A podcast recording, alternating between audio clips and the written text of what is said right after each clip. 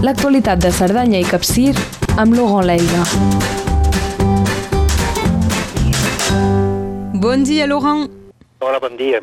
Quina situació meteorològica tenim després de les pluges, suposo, com nosaltres? Sí, exacte, però menys que vosaltres. Eh, ha plogut eh, bastant menys, una mica més al Capcí, però aquí a, a Cerdanya eh, havíem previst més pluges que, que, que hi ha hagut. Eh, bé, de moment aquest matí una mica d'humetat, eh, una mica de boira, eh, però el, el, veiem ja el sol, però eh, tenim uns dies, almenys fins al dimecres, amb pluges a la tarda eh, i sobretot eh, demà dissabte i diumenge amb tempestes bastant importants a partir doncs, de, de les 3 de, de, de la tarda, una mica com a l'estiu. Tampoc és dolent, eh, de tenir pluja. No, no, no ho cal ara, ho cal, ho cal. Sí, sí, i tant que sí.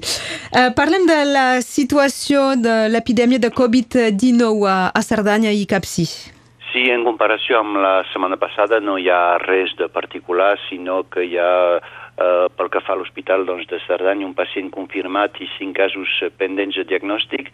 Eh, el total fa 48 positius i eh, 35, 35 hospitalitzats, 6 traslladats, eh, 29 altes a domicilis, eh, a domicili, això vol dir que n'hi ha, ha hagut 29 sobre la totalitat que han tornat a casa i un, eh, malauradament, doncs, una defunció, però eh, això són les xifres de l'hospital, com ho deia la setmana passada, ja sabem que a casa de particulars o fins i tot eh, a centres eh, eh, com, com a Oceix, etc., hi ha hagut casos o hi ha encara casos, eh, però sense complicacions i, doncs, de moment la, la cosa va bastant aquí, eh, va bastant bé, Eh, no sé si és una bona cosa o no, perquè ja sabem que eh, doncs la, la immunització no, no és feta aquí a Cerdanya i doncs no sabem el que passarà després eh, amb el desconfinament perquè eh, hi ha poca gent aquí que, que ha sigut doncs, eh, contaminada per aquest virus i la reacció, no sé quina serà la reacció.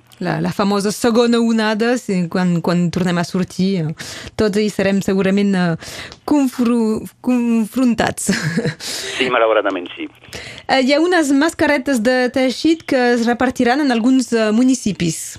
Sí, doncs això també és una mica... No, no hi ha, no hi ha un, un consensos total entre tots els pobles, eh, no perquè no hi ha hagut eh, una concertació i, i un intent de fer-ho tots junts, és només perquè... Ni un missatge clar, eh? I... No, tampoc això, ja és la primera cosa, i sobretot tampoc la, la matèria primera perquè eh, doncs calia trobar persones que podien fer eh, aquestes mascaretes i doncs, per exemple, eh, Oceja, eh, la Guingueta d'Ix, eh, Santa Llucaia, Er i Estavar ja sé que eh, repartiran eh, o han començat a repartir eh, aquesta setmana, a final d'aquesta setmana i principi de la setmana que ve, però són mascaretes de teixit que no tenen res a veure amb les mascaretes doncs, eh, que es poden trobar eh, a, a l'hospital o, o a les farmàcies, etc. És només per eh, posar uh, una cosa, tapar, uh, tapar-se la, la boca i el nas uh, i és anti doncs, uh, projecció uh, de líquid, només és això, no és una cosa oficial, però um, per la gent que vol sortir, que vol anar de compres o, o, o que, que pot trobar-se amb algú, uh, és veritat que és ja una primera cosa, no és suficient, ja ho sabem tots, però ja és una primera cosa. És a dir, que hi ha dos discursos, hi ha, hi ha el que diuen és millor que res i, i altres, que alguns científics fins i tot que diuen eh, no creiem que som massa protegits i doncs no ens apropem igualment de, de la gent pensant que som protegits per aquest teixit. Clar, exacte. Doncs, eh, eh clar, eh, una cosa és, és, està segur que no, és millor que res, això està segur, però després eh, l'eficàcia, això no ho sabem i doncs no, cal guardar aquests gestos eh, doncs, de barreres eh, que, que fem des del principi de l'epidèmia, però eh, bé, és, és un intent també per, als ajuntaments de poder ajudar a, a la gent, a més de tot tot el que fan, que siguin les compres per les persones grans, que siguin de, de repartir els papers d'autorització, que de veure que tot vagi bé, etc etc. Um, però és veritat que eh, la, la, la manca que tenim és un discurs oficial eh, directe. És a dir, que un diu una cosa, un altre una, una altra cosa, després els científics una altra cosa, i és molt, molt, molt difícil eh, pels alcaldes i, i, i per als regidors de poder tenir un discurs eh, sense canviar eh, cada dos per tres. Um, una altra temàtica, perquè més enllà de les màscares també hi ha, discursos divergents o que canvien d'un dia per l'altre, és sobre la, la reobertura dels centres pedagògics, a les escoles, als col·legis, als liceus. Exacte, un altre trencaclosques perquè no sabem. És a dir, que aquí també si ens havien dit, bé, serà així, així, feu així i nosaltres amb la, eh, amb la voluntat i, i, i doncs eh, eh, hauríem, faríem el que hauríem de fer, però no sabem, eh, cada dia cam, canvia, però ens preparem, que siguin els alcaldes, que siguin els professors, que siguin també els caps d'establiments eh, per, aquí per l'Institut de Fort Romeu o de, o de Beaumadame, eh, però ara es diu que seria sobre el voluntariat, doncs això vol dir que no sabem quants alumnes tindrem, el problema és que no és la mateixa cosa tenir 5 alumnes o tenir-ne 15 al màxim dels grups que volen que, que fem per les eh, cantines, eh, per les guarderies, eh, pels petits. Ja sabem que hi ha molts pares que almenys per la primera setmana no posarien els nens a l'escola, però cuit de la segona, tercera i després. Eh, tot això és una organització amb, com ho dèiem, amb gestos barreres i és molt complicat. No, no sabem, no sabem on anem i, i és, és, és difícil, difícil per, per la gent, és difícil, serà difícil pels nens i és difícil per la, la, els equips pedagògics. A més, al Liceu de, de Font-romeu, per agafar aquest exemple, hi ha la vessant esportiva. Com, com es fa el seguiment de, de l'entrenament, de, de les activitats eh, lligades també als exàmens en aquest cas? Sí, és veritat, per, perquè parlem de la part pedagògica directa de, de les assignatures de, de, de classe, però es parla poc doncs, d'aquesta vessant de esportives. Bé, doncs tenen tots uh, un, un entrenador, un coach, com diuen, i amb ells doncs, fan uh, exercicis. Bé, ja, ja, els esportistes generalment tenen també el costum d'entrenar-se de, sols quan estan de vacances, etc. però uh, que siguin sols o que siguin amb, amb grups. Uh, aquí grup no és pas possible, doncs tenen fitxes, eh, han de fer exercicis i, eh, eh, i és així, eh, fan el que poden eh, a, a, amb el que tenen a casa.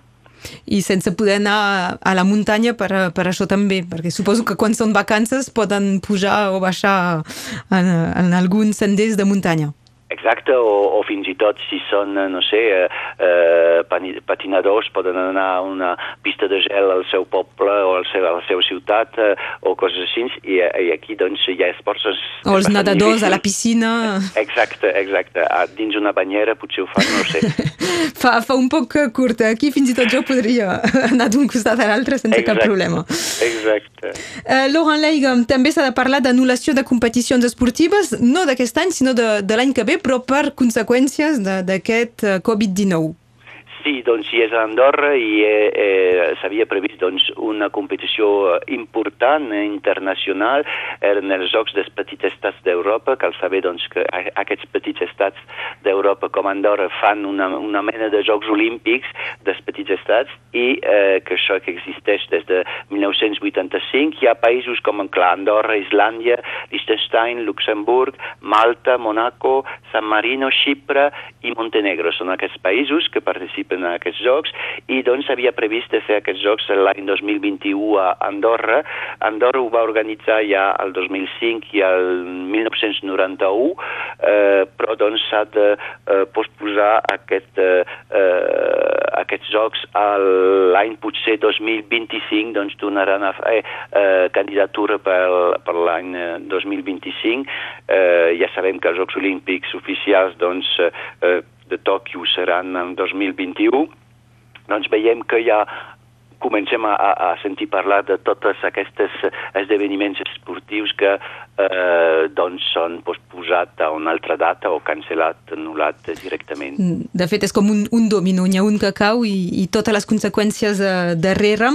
I aquí parlem bé ben d'anul·lació, perquè hi ha, hi ha uns quantes sí. grans competicions que, que es fan un any després, en aquest cas serà anul·lar i anar a la, a la competició següent, el, el 25 per 25 exacte, i és una pèrdua per, eh, doncs, eh, eh, ja a nivell esportiu, però també doncs, a, a nivell econòmic, turístic, perquè eh, esdeveniments així eh, porten molta gent i, i, i aquí a Andorra s'esperava tenir eh, per aquesta setmana doncs, d'aquests jocs eh, hi havia moltes reserves als hotels, als restaurants, eh, a les habitacions i tot això, i tot, clar, Eh, per acabar, mm, la Sant Jordi es va fer algun acte en particular eh, ahir?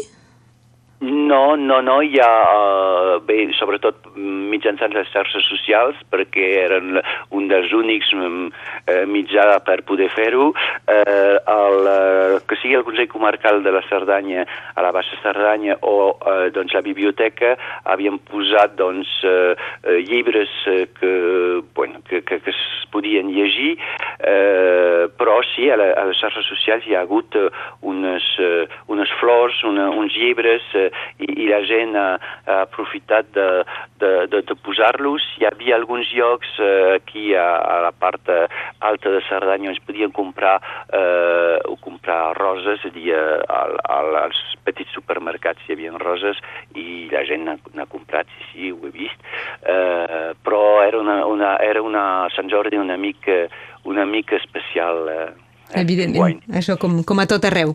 Exacte. Laurent Leig, moltes gràcies per aquestes eh, informacions i notícies des de Cerdanya i Capcí. Moltes gràcies, cuideu-vos i fins la setmana que ve. Igualment, que vagi bé, adiu. Adéu, adéu. L'actualitat de Cerdanya i Capcir amb Laurent Leiga.